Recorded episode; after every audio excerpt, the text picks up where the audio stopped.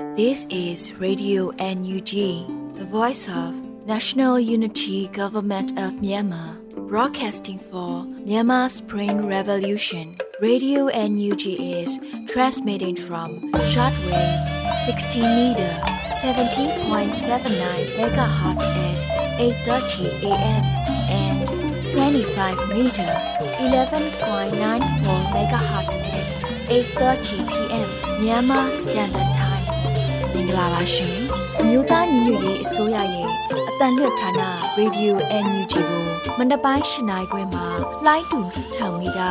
19.7ခွန်ကုန်းမဂါဟတ်စ်နဲ့ညပိုင်း၈နိုင်ခွဲမှာလိုင်းတူ25မီတာ17.6ကိုလီမဂါဟတ်စ်တို့မှာဓာတ်ရိုက်ဖမ်းယူနားဆင်နိုင်ပါပြီရှင်မင်္ဂလာအပေါင်းနဲ့ကြည့်ကြကြပါစို့အခုချိန်ကစပြီးရေဒီယို NUG စီစဉ်လေးကိုဓာတ်ရိုက်အတန်နဲ့ပြင်နေပါပြီ မြန်မာနိုင်ငံသူနိုင်ငံသားအပေါင်းတဘာဝပြီးစစ်အာဏာရှင်ပြည်တို့ကနေကင်းဝေးပြီးကိုစိတ်နှပြချမ်းသာချမ်းသာလို့ဘေးကင်းလုံခြုံကြပါစေလို့ Radio NUG ဖွဲ့သူဖွဲ့သားတွေကဆုတောင်းမြတ်တာပို့သလိုက်ရပါတယ်ရှင်။ဒီနေ့ညရဲ့ပထမအဆုံးအစီအစဉ်လေးနဲ့ပြည်တွင်းသတင်းတွေကိုຫນွေဦးမွန်ကဖတ်ကြားတင်ပြပေးတော့မှာဖြစ်ပါတယ်ရှင်။မင်္ဂလာညချမ်းပါရှင်ခုချိန်ကစပြီးတော့နောက်ဆုံးရပြည်တွင်းသတင်းတွေကိုတင်ဆက်ပေးသွားမှာပဲဖြစ်ပါတယ်။ ကျမကတော့ຫນွေဦးမွန်ပါဂျာယီသမရဒူဝါလက်ရှိလာနဲ့မွန်ဂိုလီးယားသမရအဟောင်းတို့အွန်လိုင်းမှာတွေ့ဆုံတဲ့သတင်းကိုဦးစွာတင်ဆက်ပေးကြပါမယ်။ပြည်ထောင်စုသမရမြန်မာနိုင်ငံတော်ယာယီသမရဒူဝါလက်ရှိလာမှာမွန်ဂိုလီးယားသမရဟောင်းအယ်ဘတ်ဒိုအာအွန်လိုင်းတွေ့ဆုံမှုဖြင့်ကြိုးဆိုတွေ့ဆုံခဲ့ပါတယ်။ဇူလိုင်23ရက်နေ့မှာမွန်ဂိုလီးယားသမရဟောင်းနဲ့တွေ့ဆုံကြောင်းကိုသတင်းထုတ်ပြန်ခဲ့ပါတယ်။သမရဟောင်းအယ်ဘတ်ဒိုဟာမြန်မာလူမျိုးများရဲ့ကာလရှည်ကြမိတ်ဆွေကောင်းတဦးဖြစ်ပြီး မြန်မာနိုင်ငံမှာဒီမိုကရေစီအသွင်ကူးပြောင်းရေးကိုအခိုင်အမာထောက်ခံသူဖြစ်ပါတယ်။မွန်ဂိုလီးယားနိုင်ငံရဲ့သမရတာဝန်ထမ်းဆောင်ပြီးနောက်၎င်းဟာကမ္ဘာတဝန်းရှိဒီမိုကရေစီနဲ့လူခွင့်ရေးများမြင့်တင်ရတဲ့အတွက် Club de Madrid International Democrat Union ကဲ့သို့သောအဖွဲ့အစည်းများမှာနိုင်ငံကောင်းဆောင်ဟောင်းများနဲ့တက်ကြွစွာပူးပေါင်းလှုပ်ဆောင်လျက်ရှိပါတယ်။ ယာယီသမရဒူဝါလက်ရှိလာမှတွေ့ဆုံရမှာမြန်မာနိုင်ငံရဲ့လက်ရှိအခြေအနေများကိုရှင်းလင်းတင်ပြပြီးငြိမ်းချမ်းတဲ့ Federal Democracy ပြည်ထောင်စုထူထောင်ရန်ပြည်သူများရဲ့ကြိုးပမ်းနေမှုများကိုထပ်မံမျှဝေခဲ့ပါတယ်။ယာယီသမရအနေဖြင့်လည်းမြန်မာပြည်သူပြည်သားများရဲ့လွတ်လပ်ရေးနဲ့ဒီမိုကရေစီရရှိနိုင်ရေးထောက်ခံအားပေးမှုအတွက်သမရ Albert Dodge အားကျေးဇူးတင်ရှိကြောင်းပြောကြားခဲ့ပါတယ်။သမရဟောင်း Albert Dodge ကလည်း၎င်းရဲ့ဂတိကဝတ်ပြုမှုလွတ်လပ်ရေးနဲ့ဒီမိုကရေစီရရှိရေးကြိုးပမ်းမှုမှာမြို့သားညီညွတ်ရေးအစိုးရနဲ့မြန်မာနိုင်ငံသားများအတွက် စဉ်ဆက်မပြတ်ထောက်ခံအားပေးနေမှာဖြစ်ကြောင်းယာယီသမရကိုခိုင်မာပြောကြားခဲ့တယ်လို့သိရပါတယ်ရှင်။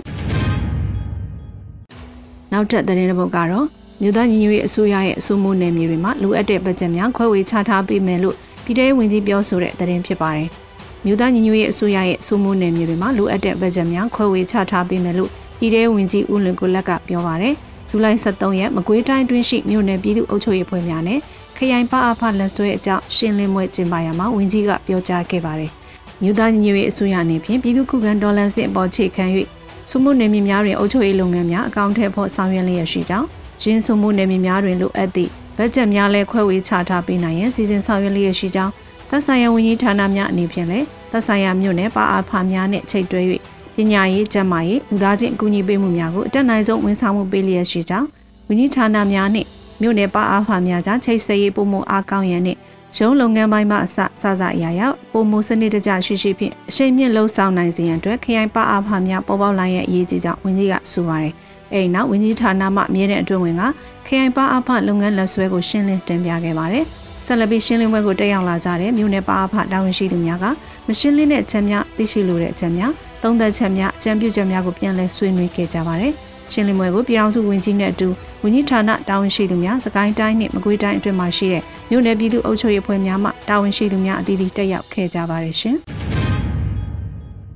နယူးဒေါ်လိန်မှာဒေါ်လိန်အင်အားစုတွေက NUG တခုတည်းနဲ့မဟုတ်ဘဲတိုင်းရင်းသားမဟာမိတ်ဖွဲ့စည်းများကလည်းလက်နက်ကိုင်းတော်လန်နေတဲ့ဆိုတဲ့သတင်းကိုဆက်လက်တင်ဆက်ပေးပါမယ်။နယူးဒေါ်လိန်မှာဒေါ်လိန်အင်အားစုတွေက NUG တခုတည်းနဲ့မဟုတ်ဘဲနဲ့တိုင်းရင်းသားမဟာမိတ်ဖွဲ့စည်းများကလည်းလက်နက်ကိုင်းတော်လန်နေတယ်လို့ဝန်ကြီးဦးတင်ထွန်းနိုင်ကပြောပါရယ်။ဇူလိုင်လအတွင်း AFP သတင်းဌာနနဲ့တွေ့ဆုံမေးမြန်းရမှာဝင်ကြီးဦးတင်ထွန်းနိုင်ကပြောကြားခဲ့ပါတယ်။ကျွန်တော်တို့ဒီတော်လင်းကြီးမှာတော်လင်းအင်အားစုတွေက NUG တခုတည်းမဟုတ်ပါဘူး။ကျွန်တော်တို့ရဲ့အတိုင်းသားညီကိုမဟာမိတ်ဖွဲ့စည်းတွေကလည်းဒီတော်လင်းကြီးကိုဆင်နွှဲနေတာဖြစ်တယ်လို့ဒီ NUG အစိုးရနဲ့တည်တဲ့လုကင်းပြီးတော့ဒီတော်လင်းကြီးကိုဆင်နွှဲနေတဲ့မြေပြင်မှာလက်နက်ကင်တော်လန်နေကြတဲ့အဖွဲ့အစည်းတွေလည်းရှိပါတယ်လို့ဝန်ကြီးကဆိုပါတယ်။2021ခုနှစ်စက်တင်ဘာ9ရက်နေ့မှာ စစ်ကောင်စီတပ်များကိုခုခံတွန်းလှန်စစ်စတင်မှု NUG အစိုးရကကြေညာခဲ့ပါတယ်။လက်ရှိမှာပြည်သူ့ကာကွယ်ရေးတရင်တပ်ဖွဲ့ပေါင်း259ရင်းကျော်ရှိပြီဖြစ်တယ်လို့သိရပါတယ်ရှင်။ကောင်းဖော်ကျောင်းမှာဖြစ်ပျက်ခဲ့တဲ့ကိစ္စတွေကိုပညာရေးဝန်ကြီးဌာနကစုံစမ်းစစ်ဆေးနေတဲ့သတင်းကြောင်းရာကိုလည်းဆက်လက်တင်ဆက်ပေးပါမယ်။ကောင်းဖော်ကျောင်းမှာဖြစ်ပျက်ခဲ့တဲ့ကိစ္စတွေကိုပညာရေးဝန်ကြီးဌာနကစုံစမ်းစစ်ဆေးနေတယ်လို့ဒုတိယဝန်ကြီးကြားထွေပန်းကအသိပေးပြောကြားပါတယ်။ဇူလိုင်14ရက်လူမှုကွန်ရက်မှာပညာရေးဝန်ကြီးဌာနဒူဝင်ကြီးကြားထွေပန်းကရေးသားပြောကြားပါတယ်။ ကောင်းဖော်ယူကျောင်းမှာဖြစ်ပျက်ခဲ့တဲ့ကိစ္စတွေကိုပညာရေးဝန်ကြီးဌာနကစုံစမ်းစစ်ဆေးနေစဉ်အတွင်းမှာပဲမနေ့ကဆရာကောင်းတိုက်စုဖန်ခံရတဲ့တဲ့နဲ့အတူဆရာဆရာမအချို့ပါဖန်ခံခဲ့ရပါတယ်။ကောင်းဖော်ယူအနေနဲ့စီမံခန့်ခွဲမှုလိုအပ်ချက်တွေရှိခဲ့ပြီးကျောင်းအချို့ရေးဖွဲ့အနေနဲ့တာဝန်ရှိကြောင်းခံယူပြီးဖြစ်ပါတယ်။ဒီအဖြစ်ပြက်ပေါ်အခွင့်ကောင်းယူပြီးစာသင်ကြားပေးနေတဲ့ဆရာဆရာမတွေကိုဖန်ဆီးတာကလွတ်လပ်စွာပညာသင်ကြားခွင့်ကိုချိုးဖောက်တာဖြစ်ပြီးရုံမှလူမဆန်မှုတွေပဲဖြစ်ပါတယ်။အခုချိန်မှာတော့အားလုံးလုံခြုံရေးသတိနဲ့နေကြဖို့ပါ။ ပညာရေးဝန်ကြီးဌာနကလည်းအဖြစ်ပြက်တွေပေါ်ပြည်သူကိုအသိပေးစာထုတ်ပေးဖို့ပြင်ဆင်နေပါတယ်လို့ဒုဝန်ကြီးကဆိုပါတယ်။ဇူလိုင်23ရက်နေ့ကရှမ်းပြည်နယ်ကလောမြို့မှာကောင်းဖော်ယူကျောင်းကဆီယမတအူစာတင်နေတော့လိပ်စာအတိအကျနဲ့စစ်ကောင်စီတပ်ဖွဲ့ဝင်များကအိမ်ထဲဝင်ဖမ်းသွားခြင်းကိုခံရပါတယ်။ဇူလိုင်လအတွင်းမှာကျောင်းသားများရဲ့ကိုရေးအချက်လက်များကျောင်းမှပေါက်ကြားမှုဖြစ်ပွားပြီးနောက်ချင်းချငွေတောင်းခံမှုတွေလည်းဖြစ်ပေါ်ခဲ့ပါတယ်။လက်တလုံးမှာကျောင်းမှဆရာများကိုစစ်ကောင်စီတပ်များကဇက်တိုက်ဝင်ရောက်ဖမ်းဆီးလျက်ရှိပါတယ်။ ကောင်းဖော်ယူကျောင်းဟာအွန်လိုင်းခြေပြုသင်ကြားခြင်းဖြစ်ပြီးကျောင်းစတင်အနှံချိန်မှာတနအီတွင်ကျောင်းသားပေါင်းတသိန်းကရှောက်ထားခဲ့တာဖြစ်ပါတယ်ရှင်။ဂျေဦးမြို့နယ်ကံပေါရွာကိုစစ်ကောင်စီတပ်များမိရှုဖျက်ဆီးတဲ့တဲ့ရင်ကိုဆက်လက်တင်ဆက်ပေးပါမယ်။စကိုင်းတိုင်းရေဦးမြို့နယ်ကံပေါရွာကိုစစ်ကောင်စီတပ်များမိရှုဖျက်ဆီးခဲ့ပါတယ်။ဇူလိုင်14ရက်နေ့မှာဒေသခံအရင်းမြစ်များကဆိုပါတယ်။ရေဦးမြို့နယ်မှာစစ်ကောင်စီတပ်စစ်ကြောင်းဟာယမန်နေ့ကရေဦးနယ်တူမောင်းရွာကနေညနေပိုင်းကကံပေါရွာသို့လက်နက်ကြီးဖြင့်ထူပြီးတော့ ဝင်ရောက်လာပြီးဝစ်ကျင်းချခဲ့ပါတယ်။ဒီနေ့မနက်ကံပေါရွာကိုမီတင်ရှို့ပြီးဧကတရားဆိုင်ကွင်းဘက်ကနေနွားပေါင်ဘက်သို့ရောက်ရှိနေပြီဖြစ်ကြောင်းနောက်ဆုံးသိရပါတယ်လို့ဆိုပါတယ်။စစ်ကောင်စီတပ်တွေဟာရေဦးနယ်တလျှောက်စစ်ကြောင်းထိုးလျက်ရှိပြီးပြည်မဲ့ရွာသားများကိုဖမ်းဆီးမှုတို့လည်းရှိနေပါတယ်ရှင်။လောင်ရှိဒေသခြေရွာပေါင်း3ရွာမှာစစ်ပေးရှောင်ပြည်သူ400ကျော်မိုးကစောင်းချနောင်နဲ့စားနေရိခဝိထဲများလိုအပ်နေတဲ့တရင်ကိုဆက်လက်တင်ဆက်ပေးပါမယ်။လောင်ရှိဒေသခြေရွာပေါင်း3ရွာမှာစစ်ပေးရှောင်ပြည်သူ400ကျော်ဟာ မိုးကစောင်းချနောင်နဲ့စားနေရိခဝိထဲများလိုအပ်နေပါတယ်။ဇူလိုင်14ရက်နေ့မှာလောင်ရှိဒေသလုံးဆိုင်ရာပြည်သူ့ကာကွယ်ရေးတပ်ဖွဲ့ကဆိုပါတယ်။လောင်ရှိဒေတာလုံးဆိုင်ရာပြည်သူ့ကာကွယ်ရေးတပ်ဖွဲ့မှစိုက်ကင်းချေရွာအိုင်းကြီးချေရွာဖလန်မချေရွာများမှစစ်ပေးရှောင်ပြည်သူ400ကျော်အားလိုအပ်တဲ့ကာကွယ်စောင့်ရှောက်မှုများကိုစူးစမ်းဆောင်ရွက်နေပါတယ်စစ်ပေးရှောင်ပြည်သူများအတွက်ကျန်းမာရေးနဲ့ညီညွတ်သောနေရာထိုင်ခင်းလိုအပ်သောမူကစောင့်ချနောက်စားနေရိခဝေးအထက်တကိုယ်ရေးသုံးပစ္စည်းများနဲ့စေဝါများလိုအပ်နေပါတယ်လို့ဆိုပါတယ် လက်တလုံးမှာ LSR PDF မှာတက်နိုင်ဆုံးကူညီရှာဖွေထောက်ပံ့ပေးမှုများစူးစမ်းဆောင်ရွက်လျက်ရှိရာပြည်သူများမှလည်းစစ်ပေးရှောင်ပြည်သူများအတွက် LSR PDF နဲ့ချိတ်ဆက်ပြီးတက်နိုင်သလောက်ပါဝင်ကူညီအားဖြင့်ပေးကြပါရန်နှိုးဆော်ထားပါတယ်ရှင်။အင်းတော်မြို့နယ်လေစိတ်ကြေးရွာကိုစစ်ကောင်စီတပ်များဝင်ရောက်မှွေနောက်ဖျက်ဆီးပြီးကြေးရွာသားများထွက်ပြေးတိမ်းရှောင်ရတဲ့တဲ့ရင်ကိုလည်းတင်ဆက်ပေးကြပါမယ်။အင်းတော်မြို့နယ်လေစိတ်ကြေးရွာကိုစစ်ကောင်စီတပ်တွေကဝင်ရောက်မှွေနောက်ဖျက်ဆီးတာကြောင့်အင်ဂျီတရားကျော်ပျက်စီးပြီးရွာသားတွေထွက်ပြေးတိမ်းရှောင်နေရပါတယ်။ ဇူလိုင်23ရက်နေ့ကအင်တော်မြို့နယ်အလဲစိတ်ရွာကိုစစ်ကောင်စီတပ်များဝင်ရောက်တောင်းကျမ်းခဲ့တယ်လို့အင်တော်တော်လိုင်းအင်အားစုကပြောပါတယ်။ယမနေ့ကစစ်ကောင်စီတပ်များဟာမဲစော်ရောင်မှထွက်ခွာပြီးအလဲစိတ်ရွာထဲကိုဝင်မွေပြီးတော့တအိမ်တက်တအိမ်ဆင်းနေအိမ်တွေဝင်ရောက်ဖျက်ဆီးခဲ့ပါတယ်။စိုက်ကယ်၃စီးကိုမီးရှို့ဖျက်ဆီးပြီးတစ်စီးကတော့ရိုက်ဖျက်ထားတယ်လို့သိရပါတယ်။လဲစိတ်ကျွာဟာအင်ဂျင်နီယာကျော်ရှိပြီးတော့တရားကျော်ကတော့ဖျက်ဆီးခံထားရပြီးရွာသားတထောင်ကျော်ဟာလည်းနီးစက်ရာကိုထွက်ပြေးတိမ်းရှောင်နေရပါတယ်လို့ဆိုပါတယ်။ လဲစိတ်ကျွာဟာအင်ဂျင်နီယာကျော်ရှိပြီးတော့တရားကျော်ကတော့ဖျက်ဆီးခံထားရပြီးရွာသားတထောင်ကျော်ကလည်းနီးစက်ရာကိုထွက်ပြေးတိမ်းရှောင်နေရပါတယ်လို့ဆိုပါတယ်။စစ်ကောင်စီတပ်တွေကတော့ရွာကိုဝင်မွေပြီးညနေပိုင်းအချိန်မှာမဲစာရွာကိုပြန်သွားကြောင်းသိရပါတယ်။နမဟုတ်ကြီးဖုန်ကြီးကျောင်းမှာလည်းရဲသားတွေကိုဖမ်းဆီးထားတယ်လို့ဆိုပါတယ်။ခုတင်ပြပေးခဲ့တဲ့သတင်းတွေကိုတော့ Radio NUG သတင်းနောက်မင်းမင်းကပေးပို့တာဖြစ်ပါတယ်ရှင်။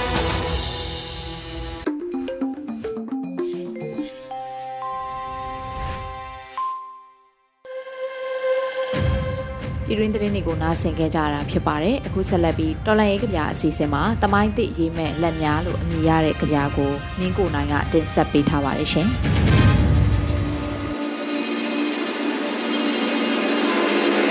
တမိုင်းသစ်ရေးမဲ့လက်များကဘာကြီးကဘယ်သတင်းမျိုးမှကတွင်းလိုက်နေတာတဲ့လေမျိုးပြလမ်းမှာပျောက်ကြားသပိတ်တဲ့ပါနိုင်တဲ့လောက်ပါ ဓာတ်ပုံလဲရိုက်ကြွာကိုမြေခံမိရှုခံရတော့ဖုံးစုပ်လေးနဲ့ရိုက်ပို့တယ်နိုင်ငံသားသတင်းသမားကဘာမြေတနေရာကဒါကိုရရှိကြောင်းအကြောင်းပြန်အမှုတွဲဖိုင်တစ်ဖွင့်ပြီးဘယ်လမ်းလဲစခဘလစင်းဝင်လာဘလောက်ပါတယ်တွေ့လို့တင်းရှေးချင်းသူတွေနဲ့ပြည်တွင်းပြည်ပ ညီညာနိုင်သောလက်တွေရဲ့ကြက်တည်ရှိတဲ့ဝကြများ21ရာစုမှာကြီးရည်လေးစစ်တပ်ကြီးကိုတူမီးနဲ့တော်လှန်တာဘယ်နိုင်ငံမှာကြုံဘူးလဲဘယ်သမိုင်းမှာသိဘူးလဲနိုင်ငံသားမှာကိုပညာနဲ့ကိုနေနိုင်စားနိုင်ကောက်ရိုက်ပြနေရတာကောက်ဆိုင်သမားတွေလိုတကုံကုံ ဘာတွေကြော်လော်ချက်နေတယ်လို့လာစဉ်ဒေါ်လာတစ်ထောင်ယူရလဲအားမရနိုင်ပါဘူးဆိုမှတော့ညုံများတို့ညံများဖို့တစ်သက်လုံးလင်းတဲ့သားတွေကိုကျက်ဥသာကြော်ကျွေးတဲ့မိန်းမကခုတော့ရမုံငွေစည်းအောင်ပွဲမှာကဘာမှမရှိဘူးတဲ့မီနူးအသေးရတဲ့ငါဆိုရင်ငမြင်းငကံကကတိလို့ငတလဲ တို့ခုတ်သားရှိတဲ့ထင်သူကမီနူးအသေးထွင်ချလိုက်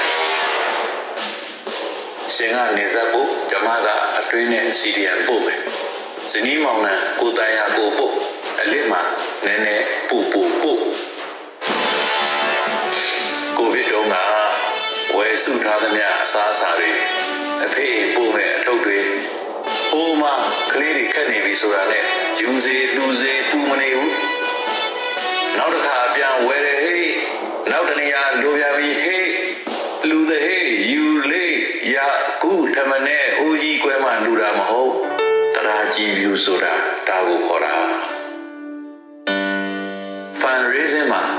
လက်လွန်ကျက်သွန်တွေခဏခဏဒီကိစ္စနဲ့ပတ်သက်ပြီးလင်မယားသားရလဲတန်ပါတယ်တဲ့အတုံးဖြုံးကြီးငါသမီးကက်စီပါကြောင့်နေသွားရ မရှိမဖြစ်ကလွဲဘာမှစိတ်ခံမဝယ်တော့ဘူးလူစရာတွေအများကြီးမှာတယောက်တည်းကောင်းကောင်းစားလှလှလေးနေရတာလေးပြမလုံးပါဘူးအမေညာဒီလိုသမီးအများကြီးဒီလက်မှတ်တွေရောင်းမယ်ဟေးဝယ်တယ်ဟေးဝယ်တယ်ဟေးရက်ဖက်တစ်ကရောင်းတယ်ဟေးဝယ်တယ်ဟေးဝယ်တယ်ဟေးမပေါက်လဲပြော့ပေါက်လဲပြော့ လူပြည့်ချင်းတာတို့လိုရင်းกว่าအမိကြီးကိုချစ်ချင်းများနဲ့ပြည်သူတွေပလတ်စတစ်အိတ်လေးတစ်ခါတညို့တဲ့အကြိုက်ခဲပြောက်စီပိုးသက်စီနဲ့ပလတ်စတာဓာတ်စားတို့နဲ့မုံချောက်ပါတယ်ပိုက်ဆံကလေး9000တထောင်နဲ့ပါတော့ဘယ်ကမွေမွေထုတ်ကလေးပဲကလေးတွေလာရင်ပေးခြင်းလို့ ပြည်သူတွေအဲ့ဒီကအားသေးတဲ့အားပေးမယ်တဲ့ဗိုက်တာမင်အပြည့်နဲ့စကားတွေစိတ်မကြနဲ့ပြန်တင်နဲ့ live နဲ့ပြီးတွဲခေါ်ပြီးခရီးကြမှာဘယ်သူမှလဲကြံမခံအရာတွဲထူကန်းခေါ်ယူပြီးပြည်သူတွေပြည်သူတွေမြတ်သောပြည်သူတွေစီရီယံသားသမီးများကို င်တန်းနဲ့စေတနာဝန်ထမ်းတွေပြည်သူတွေပြည်သူတွေမြတ်သောပြည်သူတွေ click to donate တဲ့ click နေပြီးကိုငွေရှာကြတဲ့အခါကွန်ပျူတာ laptop တွေပတ်လည်ထောင်းသားသမီးတော်ဘေးမဆိုင်နိုင်တဲ့ကလေးတွေဝမ်းမနေပါဘူးကြေကွဲစရာတွေသူတို့ဖြစ်ဖြစ်အရောက်မခံဤပညာနဲ့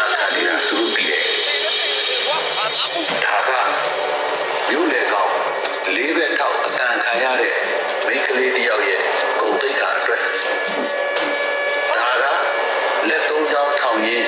ဖူးရောင်နေတဲ့မျက်နှာကထီမထင်မျက်လုံးတွေနဲ့လဲကျသွားတဲ့သားနှစ်ယောက်တွေခံမြင်တဲ့မျက်ရည်မှန်တဲ့မျက်ရည်သမိုင်းတည်ရေးမဲ့လက်တွေအိုးကျိုးနိုင်ငံကလေးမှာအဲ့ဒီအခုအလုံးလုံးရရှာသူက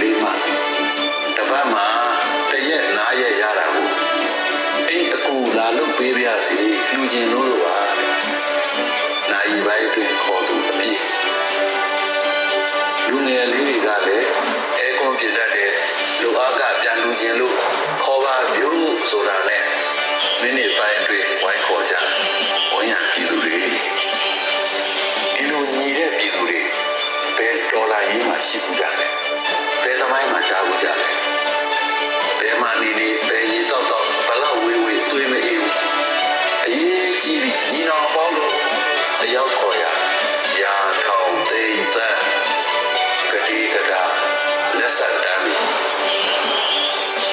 ဆိုငါတို့လက်နဲ့ပြီးတဲ့သမိုင်းတွေရေးတယ်ဆိုတာတင်စားတာမဟုတ်ဘူးတကယ်ကိုကမ္ဘာတော်လာရေးသမိုင်းအသက်ချက်ချုပ်ကိုရေးနေတယ်ပြည်သူ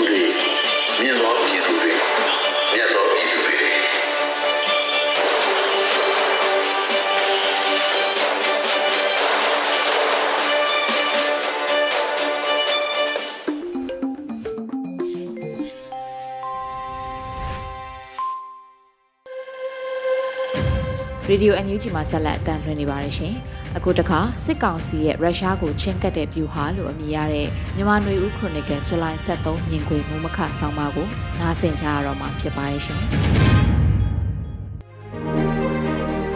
မြန်မာနွေဦးခရိုနီကယ်ဇူလိုင်23မြင်ကွင်စစ်ကောင်စီရဲ့ရုရှားကိုချင်းကပ်တဲ့ဗျူဟာ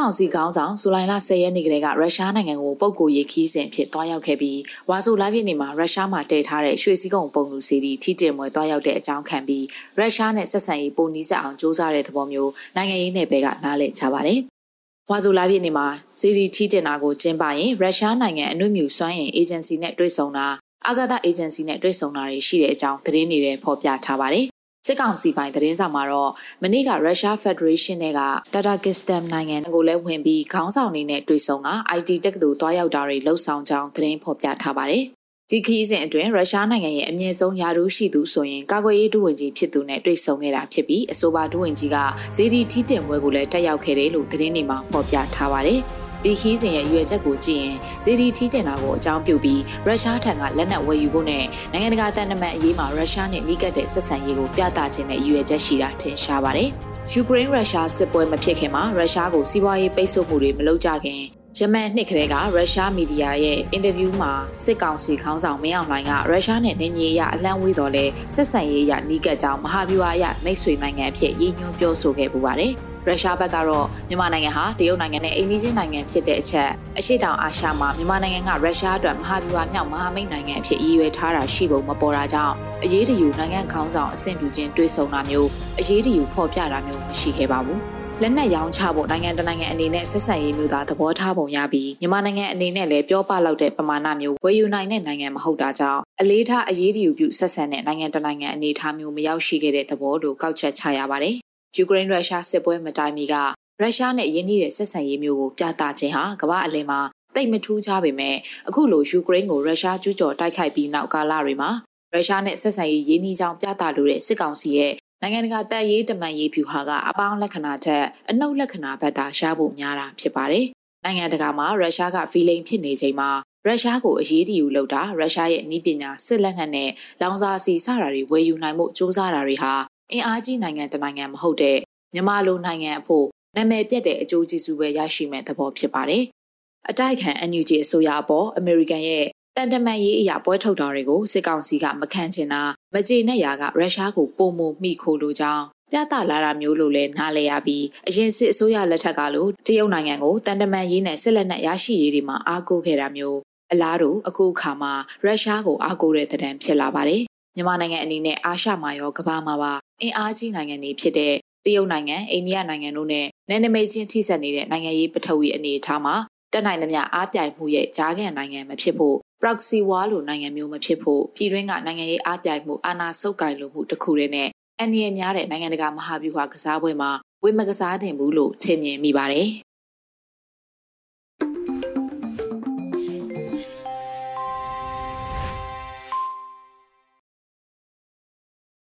ဆက်လက်ပြီးတော်လန်ရေးတိဂီတာအစီအစဉ်မှာယူနီဖောင်းလေးတို့ခရီးလိုအမည်ရတဲ့တီးသချင်းကိုဆရာတန့်ကတင်ဆက်ပေးထားပါတယ်ရှင်။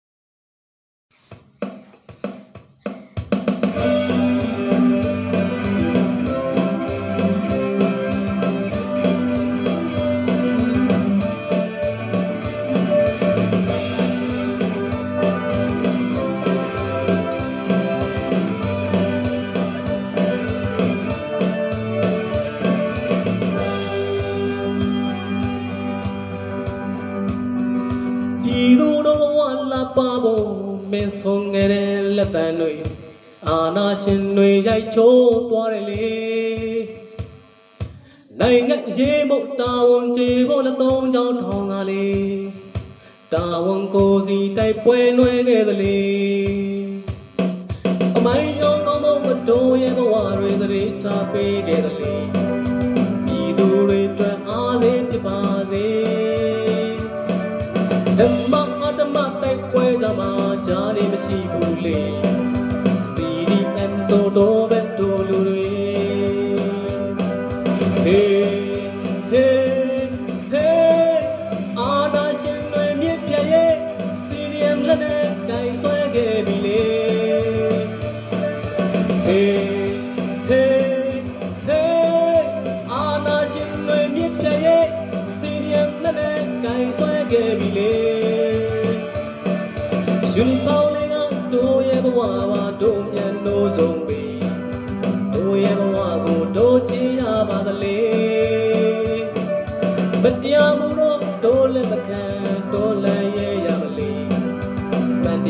တရားတော်တော်လိပ်ပြတော်ပါ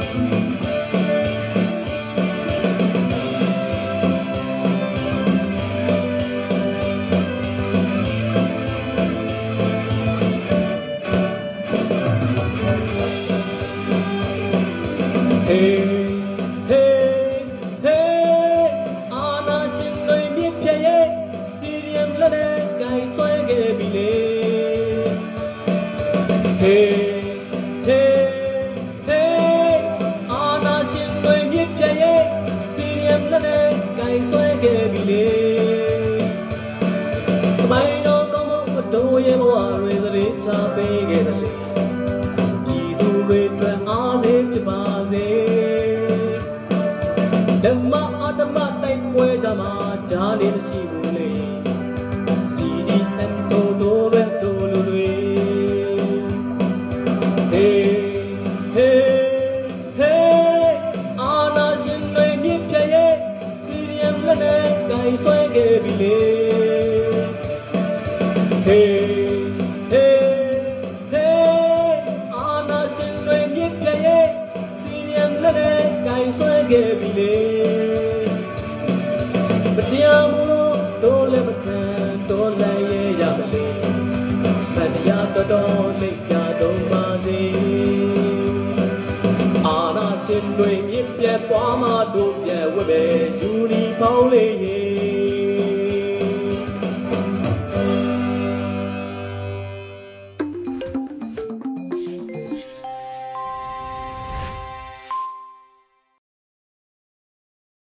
ရေဒီယိုအန်ယူဂျီမှာဆက်လက်အတန်လွှင့်နေပါတယ်။တိုင်းရင်းသားဘာသာစကားထုတ်လွှင့်မှုကဏ္ဍအနေနဲ့ Solar Voice TV ရဲ့ Positive Peace ဆိုတဲ့အကြောင်းအရာကိုနားဆင်ကြရပါမယ်ရှင်။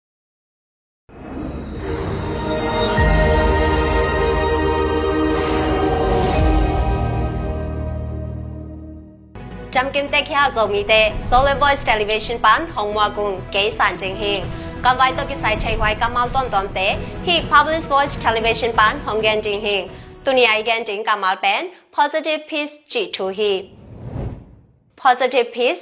peace chi kamal pen kilemna reconciliation kitutwa kitugemna agreement galvenna essence of hostility kituwalna harmony chi thu te ahwam ke mama kamal khati hebrew te in shalom chi kamal nazangu hi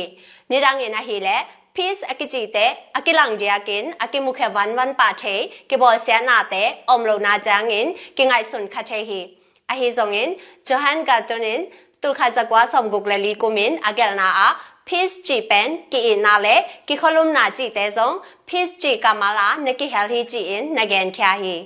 ตัวเฮมันินจอฮันการ์ดนินพีซกามาลอเกนเตเนกาทีฟพีซและโพซิทีฟพีซจีดานินน้ำนี่อินนักเห็นซ้อนเฮ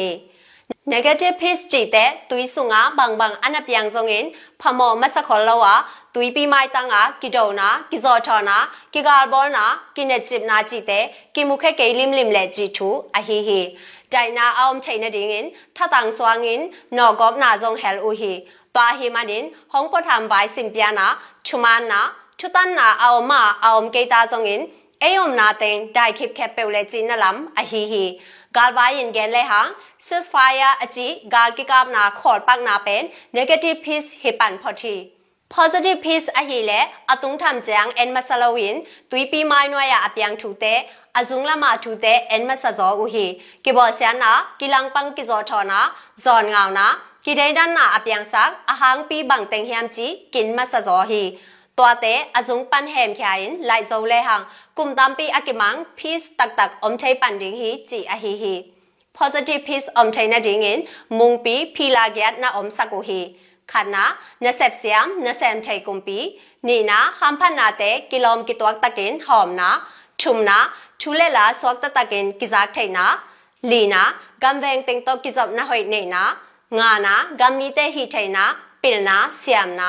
กุกนะมีดังเตชุนเอนะสันเสียมนะสกีนะกอลกุกตอมนะแกนนะสมบูรณ์นะดิ่งอันวมกำห้วยหีนะ น positive piece om chaina dingin atuman chukun te kisam hi bitna kisama positive piece a om bekte gami ten swak ta takle lungwam takin nai som ni le nai li sung utna na a zin te wak te na sep chaina a hi hi mi bi sunga kitot kisya na a om le zong chudam chei penin ben sang na a hi hi တူလိုက်တာ Spring Revolution အဂမ်ဘူပင်မှာအပန်ခုပ်ငယ်ငိုင်းနာပင်ကိခေမနာ negative piece pan ထမန်ထတက်တော့အချဒမ်နွန်တန်းနာအဟီ positive piece လာမအတွန်ထိုင်နဒင်းငင်မာအကိပန်အဟီဟီမိပီဆုငါထမန်ဓမ္မလေထမန်လုံးအဓမ္မခန်ထိတ်ကိုလာ positive piece လေ negative piece တဲ့ဆုံး calcium ကိုဟီအိနရိုင်ခိပခက်လဲလဲဟန်ဘန်မာဟောင်ကီဂျီကန်တဲ့အချတဲ့ဟီလိုဝင်းဂီလောက်ဝိုင်ဟမ်နာတော့ pumuk na te anial tang tang te i hi kor hi event te thuak thuma lo na te khut zebin i et le e thuak hun te zong khut zebin hong ki en hi thia ting hi hun sa wa ding ngai sun phatak tak le ha positive peace lo ngar e te a ding lamet na om non lo hi positive peace om chaina ding in ma apang khen pe za tak na ipya hi Dunia ding hisa jini mai ka lama zong gambai to kisai chai huai ka mal dang tom tom te ki kum chan lai ni nya chai be no bu ka mal te zong hong za sakun chiram takin ki mukik ni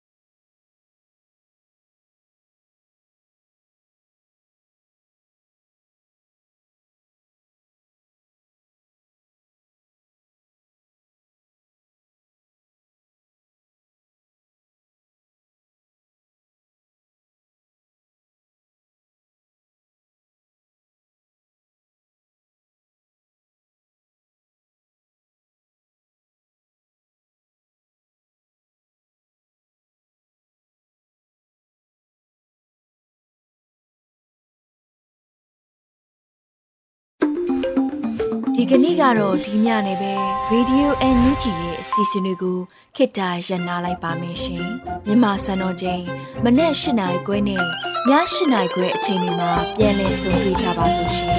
Radio NUG ကိုမနေ့ပိုင်း၈နိုင်ခွဲမှာလိုင်းတူ16မီတာ19.7 MHz နဲ့ညပိုင်း၈နိုင်ခွဲမှာလိုင်းတူ25မီတာ17.6 MHz တို့မှာ ဓာတ်ရိုက်ဖမ်းယူနာဆင်နိုင်ပါပြီရှင်။မြန်မာနိုင်ငံသူနိုင်ငံသားများကိုစိတ်နှပြချမ်းမာချမ်းသာလို့ဘေးကင်းလုံခြုံကြပါစေလို့ Radio NUG ရဲ့ဖွဲ့သူဖွဲ့သားများကဆုတောင်းလိုက်ရပါတယ်။ San Francisco Bay Area အခြေဆိုင်မြန်မာမိသားစုများနိုင်ငံတကာကစေတနာရှင်များလို့အားပေးကြတဲ့ Radio NUG ဖြစ်ပါတယ်ရှင်။အရေးတော်ပုံအောင်ရမည်။